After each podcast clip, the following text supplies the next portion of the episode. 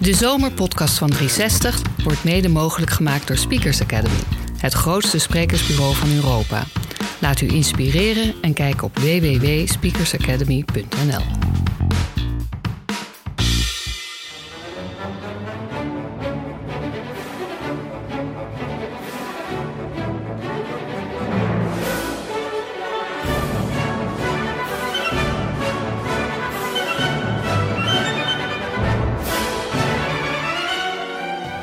Welkom bij de 360 Zomerpodcast.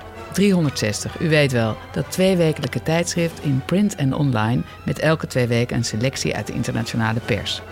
Deze zomer slaan we een editie over, maar niet getreurd, want we laten u niet 360-loos achter. Samen met Dag en Nacht hebben we een aantal podcasts voor u gemaakt. Artikelen uit 360, maar dan voorgelezen door onze ambassadeurs. Adriaan van Dis, Sophie Hilbrand, Jan Mulder. En voor dit verhaal is er maar één die dat voorlezen kan. Anglofiel, puur zang, Jan Lemverink. Hij leest een artikel uit The Guardian van Sam Knight. Wat gebeurt er als de Queen sterft? En Jan, stuk naar je hart? Briljant, briljant stuk. Het is een goed overzicht van wat er allemaal moet gaan gebeuren. En er gaat een heleboel gebeuren als de huidige koningin het loodje legt. Maar wanneer ze dat gaat doen, de moeder ging dood toen ze 102 was. Ik denk dat zij de 100 ook wel haalt. Ga je gang.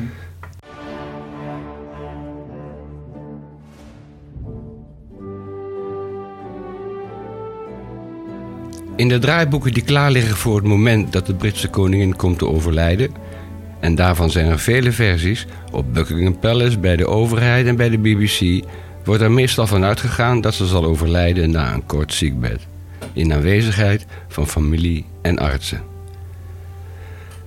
Toen de koningin moeder in 2002 overleed op de zaterdagmiddag voor Pasen in de Royal Lodge van Windsor, had ze nog tijd om telefonisch van een paar mensen afscheid te nemen en een paar van haar paarden weg te geven.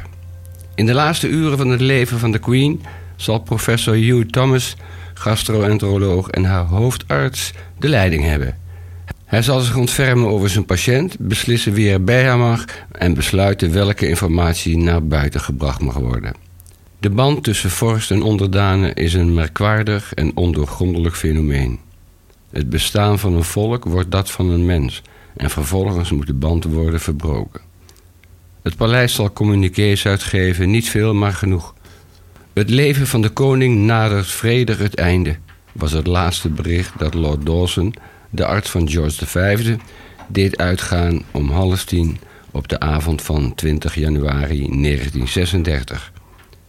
Niet lang daarna gaf Dawson de koning een injectie met 750 milligram morfine en een gram cocaïne, de helft was al genoeg geweest, ten einde het lijden van de vorst te verlichten en om te zorgen dat zijn overlijden nog kon worden meegenomen in de Times van de volgende dag, die om 12 uur s'nachts van de persen zou rollen. Men zal haar ogen sluiten en Charles zal koning zijn.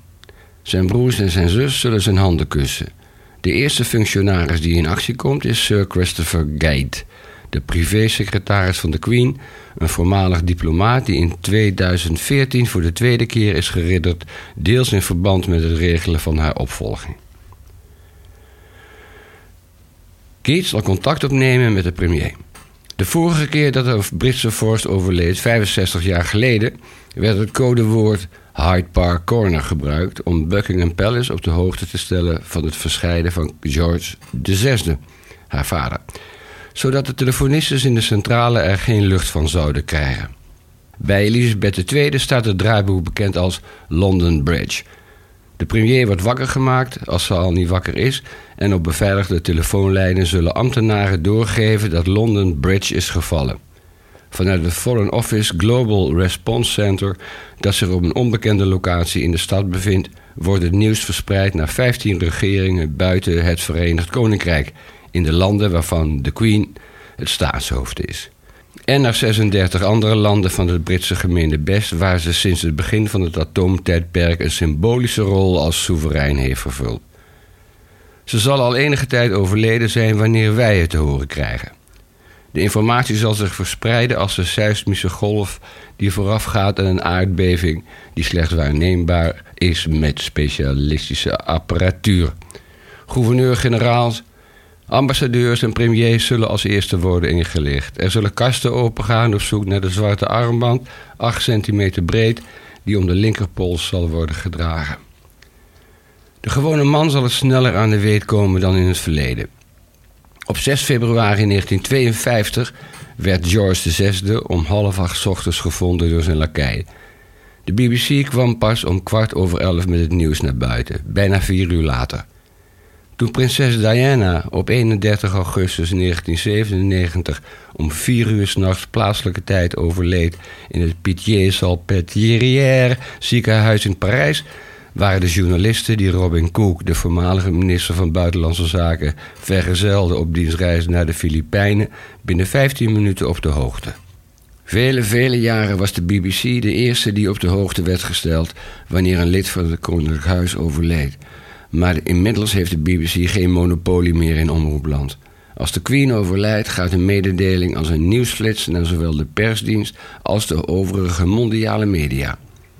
Op hetzelfde moment zal er een lakij in rouwkleding uit een deur van Buckingham Palace komen, over het zachtroze grind lopen en een zwart gerand bericht aan het hek hangen. Terwijl hij dat doet, zal de website van het paleis veranderen in een enkele ingetogen pagina met dezelfde tekst tegen een donkere achtergrond. Er zullen schermen oplichten. Er zal getwitterd worden. Bij de BBC zal een Radio Alert Transmission System worden geactiveerd. Dat is een alarm uit de tijd van de Koude Oorlog, ontworpen om een aanval op de infrastructuur van het land te weerstaan.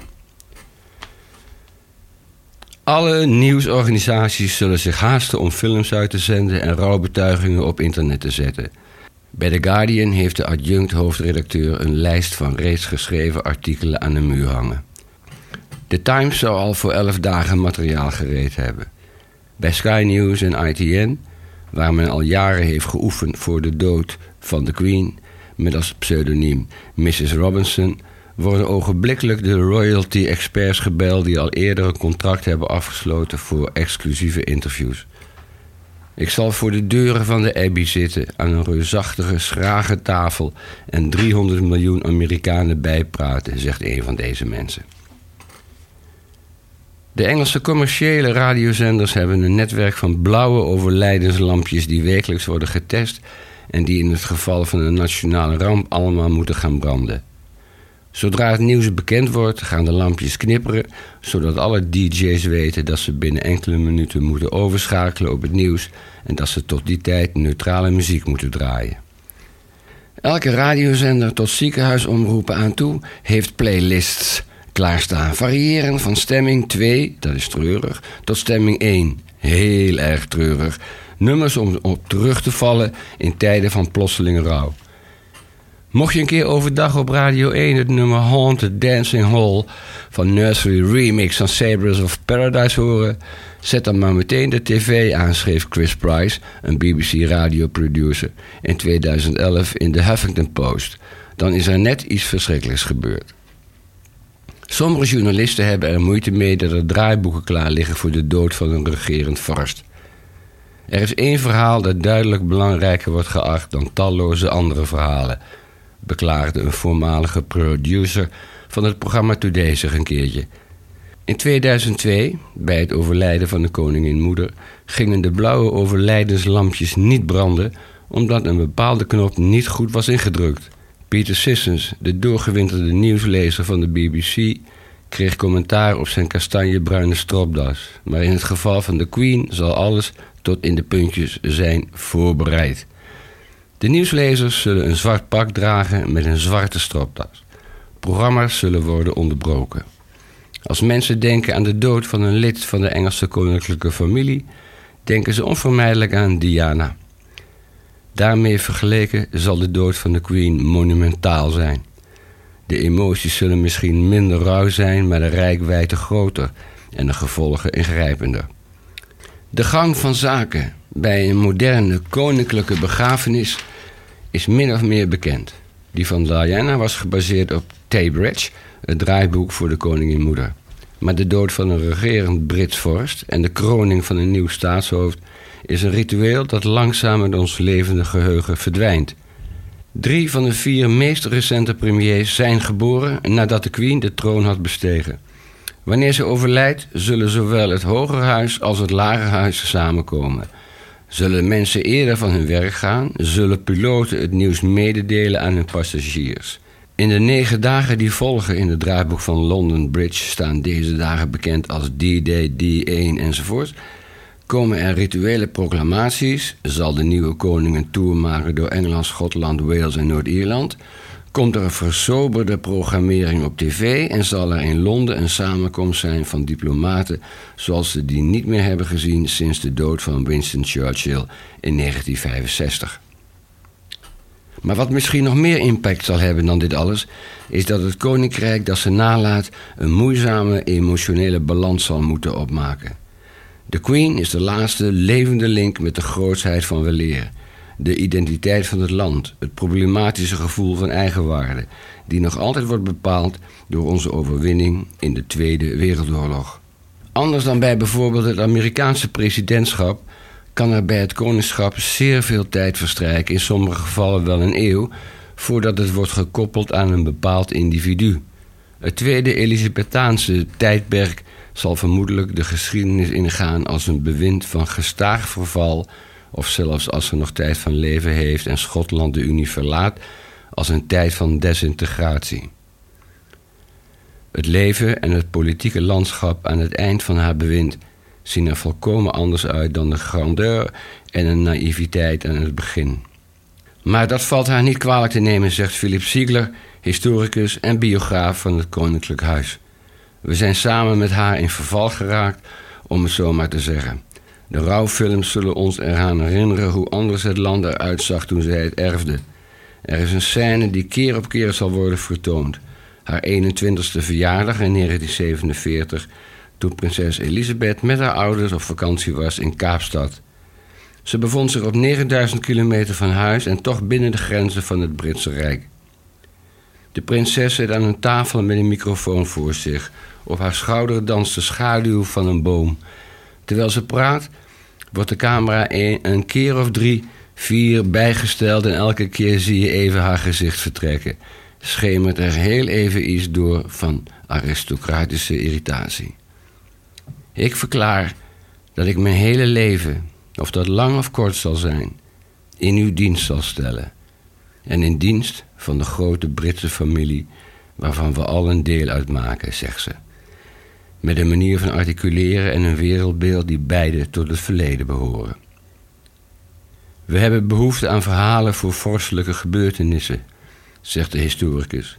In de Victoriaanse tijd werd alles steeds maar beter en groter met dat verhaal kunnen we nu niet meer aankomen. Het gevolg is dat men ervoor terugdeinst om er zelfs maar aan te denken, laat staan erover te praten of schrijven. Wat zal er gebeuren wanneer de Queen overlijdt? We mijden het onderwerp, net zoals ze dat binnen onze eigen familie doen. Dat lijkt een kwestie van goede manieren, maar het komt ook voort uit angst.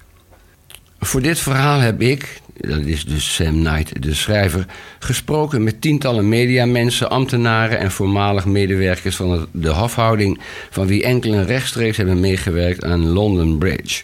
Vrijwel iedereen drong aan op volledige geheimhouding.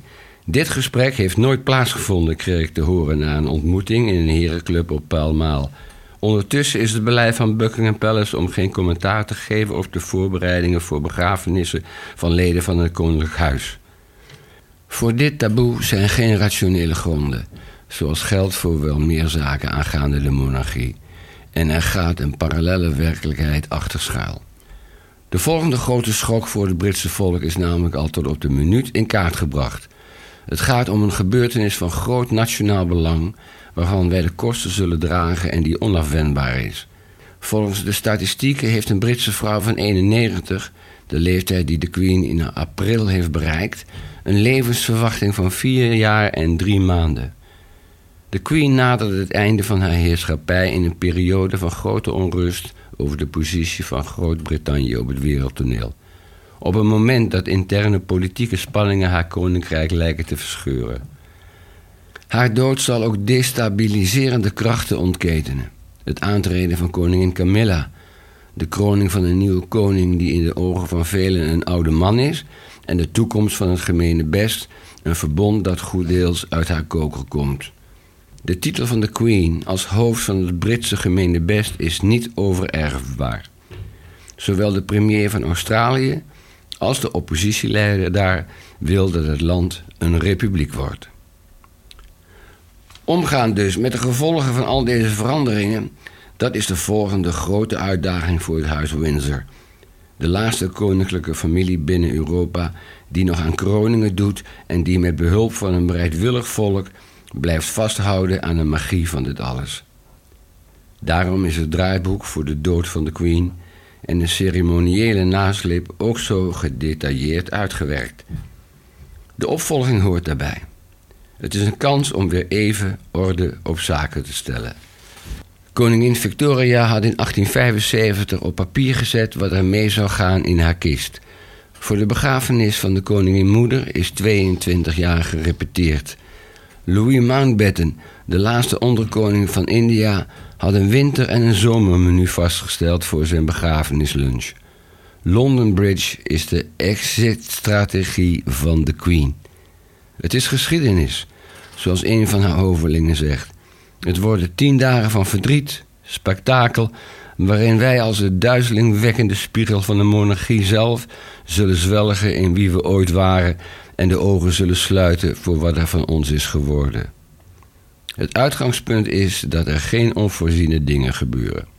Mocht de Queen in het buitenland komen te overlijden, dan zal een BAE 146 straaljarig vliegtuig van de 32e Squadron van de RAF, ook wel de Royal Flight genoemd, opstijgen van Northolt aan de westkant van Londen met aan boord een lijkkist. Maar de meest gedetailleerd uitgewerkte plannen gaan over wat er gebeurt als ze overlijden op Balmoral, waar ze drie maanden van het jaar doorbrengt.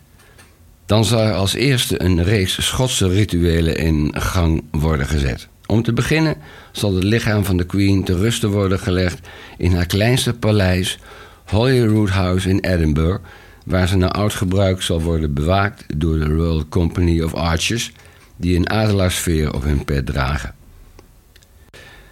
Vervolgens wordt de kist over de Royal Mile naar St. Giles Cathedral gedragen voor een dienst, waarna hij op station Waverley aan boord gaat van de koninklijke trein voor een trieste gang over de East Coast Main Line. Door het hele land worden bij spoorwegovergangen en op perrons grote menigten verwacht die bloemen op de langsrijdende trein werpen. Er rijdt een speciale locomotief achteraan om alles weer van de rails te halen. Het is een zeer gecompliceerde operatie, vertelde een spoorwegmedewerker. In alle scenario's keert het lichaam van de Queen uiteindelijk terug naar de troonkamer in Buckingham Palace. Daar bevinden zich een altaar, de bar, de koninklijke vlag en vier grenadier guards die met de loop van hun geweer naar de vloer gericht de wacht houden. Op de gang trekt personeel voorbij dat al meer dan 50 jaar onder de Queen heeft gediend. Mensen die de procedures uit het hoofd kennen. Buiten zullen verslaggevers zich verzamelen op de afgesproken plekken bij Canada Gate aan de zuidkant van Green Park. Onder de mall lopen speciale glasvezelkabels voor de uitzendingen van Britse staatsaangelegenheden. Overal in het land worden vlaggen gestreken en klokken geluid. Op dag 1, de dag na de dood van de Queen, worden de vlaggen weer gehesen en om 11 uur ochtends zal prins Charles tot koning worden uitgeroepen. De griffier Richard Tilbrook, een hoge ambtenaar, zal de officiële tekst voorlezen. Het heeft de Almachtige God behaagd in zijn grote genade tot zich te roepen. Wijlen onze vorstin Lady Queen Elizabeth II in gezegende en glorieuze herinnering. Charles zal de eerste officiële plicht van zijn koningschap vervullen. Zweren de kerk van Schotland te beschermen en gewacht maken van de zware last die nu op zijn schouders rust. Met zonsopgang zal het middelste raam aan de oostkant van het paleis met uitzicht op Flowery Court zijn verwijderd en zal het dak zijn bedekt met rood vilt. Nadat Charles heeft gesproken, zullen trompetblazers van de lifeguards met een rode pluim op hun helm naar buiten komen en drie klaroenstoten geven, waarna de Carter King of Arms, een genealoog genaamd Thomas Woodcock, zal plaatsnemen op het balkon voor de officiële proclamaties van koningin Charles III. Ik zal de eerste proclamatie uitspreken, zegt Woodcock, wiens officiële salaris van 49 pond en 7 cent niet is verhoogd sinds de jaren 30 van de 19e eeuw. In 1952 is het moment van de kroning vastgelegd door vier journaalcamera's. Dit keer zal er een miljardenpubliek zijn. De proclamaties zullen een aanvang nemen. De Carter King of Arms zal samen met een zestal herauten die eruit zien als figuranten in een dure Shakespeare-productie met een koets naar het standbeeld van Charles I rijden op de zuidelijke hoek van Trafalgar Square, dat het officiële middelpunt van Londen vormt, om het bericht daar opnieuw voor te lezen. In Hyde Park zullen 41 saluutschoten worden gelost, bijna 7 minuten lang artillerievuur. Hierbij worden geen concessies gedaan aan de moderne tijd, vertelde een voormalige paleismedewerker. Overal zullen steken en paarden te zien zijn. Lange tijd was de hogere kunst van het vorstelijk spektakel iets voor andere zwakkere volkeren. Italianen, Russen, Habsburgers. De Britse rituele gebeurtenissen waren een rommeltje. Bij de uitvaart van prinses Charlotte in 1817 waren de begrafenisondernemers dronken. Tien jaar later was het tijdens de begrafenisplechtigheid voor de Duke of York zo koud in St. George's Chapel dat George Canning, de minister van Buitenlandse Zaken, een rheumatische koorts kreeg en de bisschop van Londen het leven liet. We hebben niet eerder zo'n ongeorganiseerde, bonte verzameling onbehouden mensen bij elkaar gezien, schreef de Times in 1830 over de begrafenis van George IV. De geestelijke kwam niet uit zijn woorden, er werd vals gezongen en de hofjuweliers hadden de ring voor de verkeerde vinger gemaakt. Sommige landen hebben echt aanleg voor ceremonieel vertoon, schreef de magazine van Salisbury in 1860. Voor Engeland geldt precies het omgekeerde. De Queen, die naar verluid een praktisch ingestelde en weinig sentimentele natuur heeft, is zich maar al te zeer bewust van de theatrale kracht van het Koningshuis. Ik moet worden gezien om te worden geloofd, zou een van haar favoriete uitspraken zijn. Er is geen reden om eraan te twijfelen dat de rituelen rondom haar begrafenis een sterk gevoel van gemeenschapszin zullen oproepen. Ik denk dat het in brede kring heftige en oprechte emoties zal losmaken, aldus historicus Andrew Roberts. Het zal allemaal over haar gaan en het zal allemaal over onszelf gaan. Er zal een sterke behoefte zijn om de straat op te gaan, om het met eigen ogen te zien, om deel uit te maken van een groter geheel. Het algehele effect zal conservatief zijn. Ik denk dat de dood van de Queen vaderlandsliefdende gevoelens zal aanwakkeren, zegt een constitutionele intellectueel. En daarmee zal het een steun in de rug zijn van de Brexit, om het zo maar te zeggen, en het gevoel versterken dat buitenlanders ons niets hebben te bieden. De golf van emoties zal de ongemakkelijke realiteit van de troonopvolging smoren. De rehabilitatie van Camilla als hertogin van Cornwall was een ingetogen succes voor de monarchie, maar dat ze koningin wordt, zou wel eens net een stap te ver kunnen blijken. Het andere struikenblok is het gemene best. In 1952, bij de vorige troonsbestijging, telde dit verbond dat voortkwam uit het Britse Rijk nog maar acht leden. In zeven daarvan was de Queen staatshoofd en om India, de enige republiek, tegemoet te komen, werd ze uitgeroepen tot hoofd van het gemene best. Nu, 65 jaar later, telt het verbond 36 republieken waar de Queen zich gedurende haar hele ambtsperiode met hart en ziel aan heeft gewijd. En het gemene best omvat nu een derde van de wereldbevolking. Het probleem is dat de functie niet overerfbaar is en dat er geen procedure is om een volgend hoofd van het gemene best te kiezen. Het is een volkomen grijs gebied, al dus Philip Murphy, hoofd van het Institute of Commonwealth Studies aan de Universiteit van Londen.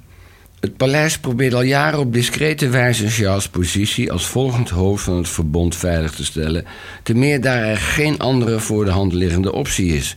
Vorig jaar oktober onthulde Julia Gillard, de voormalig premier van Australië, dat Christopher Geed, de privésecretaris van de Queen, haar in februari 2013 had bezorgd in een poging haar steun voor dit idee te krijgen. Inmiddels hebben ook Canada en Nieuw-Zeeland zich achter het plan geschaard. Maar het lijkt onwaarschijnlijk dat de titel wordt opgenomen in de proclamatie van koning Charles III. Het zal eerder onderdeel uitmaken van het discrete internationale lobbyen door de talloze diplomaten en presidenten die in de dagen na het overlijden van de Queen naar Londen zullen komen. In de negen dagen tot aan de begrafenis zullen er nog duizenden puntjes op duizenden i'tjes moeten worden gezet. Soldaten zullen de route van de rouwstoet lopen. Er zullen gebeden worden gerepeteerd. Op dag 1 zal Westminster Hall worden afgesloten en worden schoongemaakt, waarna de stenen vloer zal worden bedekt met 1500 vierkante meter tapijt. Kaarsen waarvan de pit al is voorgebrand zullen worden overgebracht uit de Abbey. De straten rondom worden omgetoverd in ceremoniële ruimten. De verkeerszuilen op de mol worden weggehaald en er worden hekken geplaatst om het groen te beschermen. Er is ruimte voor 7000 stoelen op Horse Guards Parade, 1345 op Carlton House Terrace. In 1952 werden alle rhododendrons van Parliament Square uitgegraven en mochten er geen vrouwen op het dak van de Admiralty Arch komen. We zien geen kans om de bollen te beschermen, liet het ministerie van Openbare Werken weten. De tien baarddragers worden geselecteerd en ergens in een barak waar niemand hen ziet, oefenen ze met het dragen van hun last. Britse vorsten worden begraven in een kist die aan de binnenkant is bekleed met lood. Die van Diana woog 250 kilo. Op dag 4 wordt de kist overgebracht naar Westminster Hall, waar hij vier volle dagen blijft opgebaard. De tocht van Buckingham Palace wordt de eerste grote militaire parade van operatie London Bridge. Over de Mall, via de House Guards en langs de Cenotaph. De route moet plaats bieden aan zo'n miljoen mensen. Voor het vervoer van al die mensen grijpt men terug op de logistieke operatie van de Olympische Spelen in 2012. Wellicht spelen ook corgis een rol. Haar hondjes. In 1910 werden de rouwenden voor Edward VII voorafgegaan door zijn fox terrier Caesar. Achter de kist van zijn zoon, die naar Wolverton Station ging bij Sandringham, liep Jock, een witte jachtpony. De stoet zal precies op het hele uur aankomen bij Westminster Hall. De timing zal perfect zijn. Op het moment dat de wielen tot stilstand komen, beginnen de klokken van de Big Ben te luiden, zegt een verslaggever. In de hal klinken psalmen terwijl de kist op een katafalk wordt geplaatst. Die is gehuld in paars. King Charles III is teruggekeerd van zijn tocht door Schotland, Engeland, Wales en Noord-Ierland en hij zal de rouwstoet aanvoeren. De rijksappel, de scepter en de kroon worden op hun plek gelegd. Soldaten stellen zich in het gelid en dan gaan de deuren open voor mensen die zich buiten hebben verzameld en die nu 23 uur per etmaal langs de Queen mogen lopen. Bij George VI, haar vader, kwamen er 305.000 onderdanen. De rij was bijna 6 kilometer lang. Voor de Queen verwacht men een half miljoen mensen. Er zal een onvoorstelbare rij staan. Onder het kastanjehouten dak van de hall zal alles even goed georganiseerd en troostrijk lijken en tot op de millimeter geregisseerd. Want zo is het ook. Na de begrafenis van George VI is een 47 pagina's dik intern rapport opgesteld met onder meer de suggestie om metalen rollers onder de katafalk te plaatsen, zodat de kist niet met een klap neerkomt. Vier soldaten zullen roerloos de wacht houden, telkens 20 minuten aan één, en er zijn voortdurend twee invallers paraat. De RAF, het leger, de Royal Navy, de Beef Eaters, de Gurkhas, ze leveren allemaal een bijdrage. De hoogste officier van de vier staat aan de voet van de kist, de laagste officier aan het hoofdeind. De rouwkransen op de kist worden elke dag vervangen. Toen Churchill lag opgebaard in 1965 was er een replica van de hall gemaakt in het nabijgelegen Hotel St. Armins, zodat de soldaten hun bewegingen konden oefenen. In 1936 hebben de vier zonen van George V het gebruik van de Prinsenwacht nieuw leven ingeblazen, waarbij leden van het koninklijk huis onaangekondigd de wacht houden bij de kist. De kinderen en kleinkinderen van de Queen zullen dat nu ook doen. Voor het eerst ook de vrouwen. Voor het ochtendgloren op dag 9, de dag van de begrafenis, zullen in de stille hal de juwelen van de kist worden gehaald en worden gereinigd. In 1952 hadden drie juweliers bijna twee uur nodig om al het stof te verwijderen. De grote ster van Afrika op de koninklijke scepter is op de één na grootste geslepen diamant ter wereld. Het merendeel van de bevolking zal die dag vrij hebben. Winkels zullen sluiten of verkorte openingstijden hanteren. In sommige etalages zal een foto van de Queen worden gezet. De beurs zal gesloten blijven. De avond ervoor zullen overal in het Verenigd Koninkrijk diensten zijn gehouden. Er zijn plannen om indien nodig voetbalstadions beschikbaar te stellen voor rouwdiensten. Om 9 uur ochtends zal de Big Ben luiden. Er zal een stuk leer van 1,11 centimeter dik om de hamer worden gewikkeld, zodat hij in gesmoorde tonen zal slaan. De afstand van Westminster Hall naar de Abbey is slechts een paar honderd meter. De plechtigheid zal vertrouwd lijken, hoewel hij nieuw is. Sinds 1760 is de Queen de eerste vorst van wie de begrafenis plaatsvindt in de Abbey. De 2000 gasten zitten binnen. Wanneer om 11 uur de kist bij de deur van de Abbey is aangekomen, zal het land stilvallen. Het geroezemoes zal verstommen. Op stations wordt niets meer omgeroepen. Bussen komen tot stilstand en de chauffeurs gaan langs de kant van de weg staan. In 1952 stonden alle passagiers op een vlucht van Londen naar New York tegelijkertijd op en bogen het hoofd. 5500 meter boven Canada. Destijds was de inzet duidelijker, of in ieder geval leek dat zo. Een stotterende koning die deel uitmaakte van een Britse manier van leven, die continu onder vuur lag en die een existentiële strijd had overwonnen.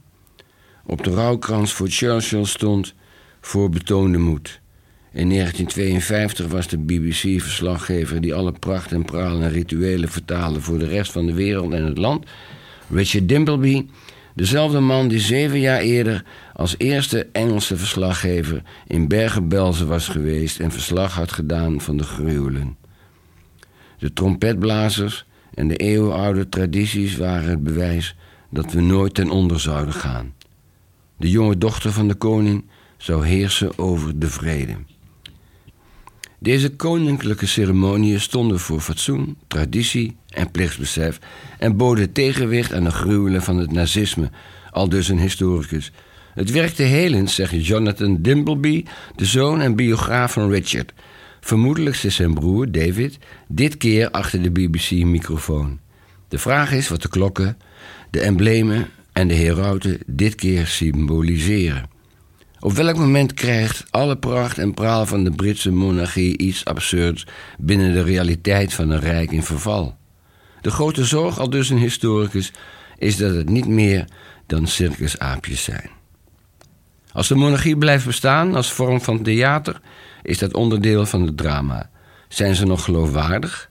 Is het met alle kennis van 2017 nog vol te houden dat één iemand de ziel van een land vertegenwoordigt?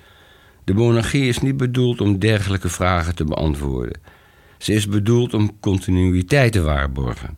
Wat zijn we toch een groot deel van ons leven aan het acteren, mocht de koningin moedig geregeld zeggen. In de abbey zal de aartsbisschop het woord nemen. Tijdens de gebeden zullen de omroepen geen vorsten in beeld brengen. Wanneer de kist weer in beeld verschijnt, zullen de baarddragers hem op de groene affuit leggen, die ook is gebruikt voor de vader van de queen en voor zijn vader en zijn vaders vader. 138 jonge matrozen zullen hun kin op de borst laten zakken en de affuit voortrekken. De stoet zal de mijl opdraaien. Vanaf Hyde Park Corner zal de lijkwagen 37 kilometer over de weg rijden naar Windsor Castle, dat de lichamen van Britse vorsten herbergt. De koninklijke hofhouding zal haar opwachten, staand in het gras. Dan zullen de deuren van het klooster sluiten en zullen de camera's stoppen met registreren.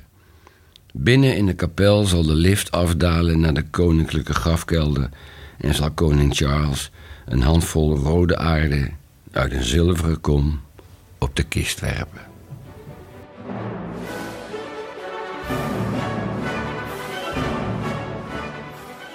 Dankjewel Jan Lemfrink, prachtig voorgelezen.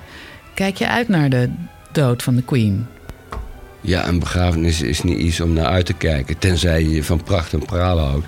Maar als zij dood is, dan komt het echte probleem. Want zal het volk van hè, Groot-Brittannië Camilla aanvaarden als koningin? Dus het wordt alleen maar erger eigenlijk. En wat denk je? Ik denk van wel, ik denk van wel. En kan je nog in, in, een korte eh, zin uitleggen waarom die koningin ook voor jou zo'n belangrijk personage is? Ik denk, nou ja, niet alleen voor mij, maar dat ze, eh, terwijl ze eigenlijk, hoe heet dat, eh, wettelijk geen macht heeft, heeft ze natuurlijk in termen van invloed door, eh, op de politiek, maar ook door haar bekendheid en door het feit dat ze al 65 jaar koningin is. Zij is buitengemeen eh, bekend natuurlijk, de bekendste vrouw eigenlijk van de wereld. En ga je een traantje laten? Ontroert het je, denk je? Als je zo doorgaat wel, ja. Oké, dankjewel. ja, nee,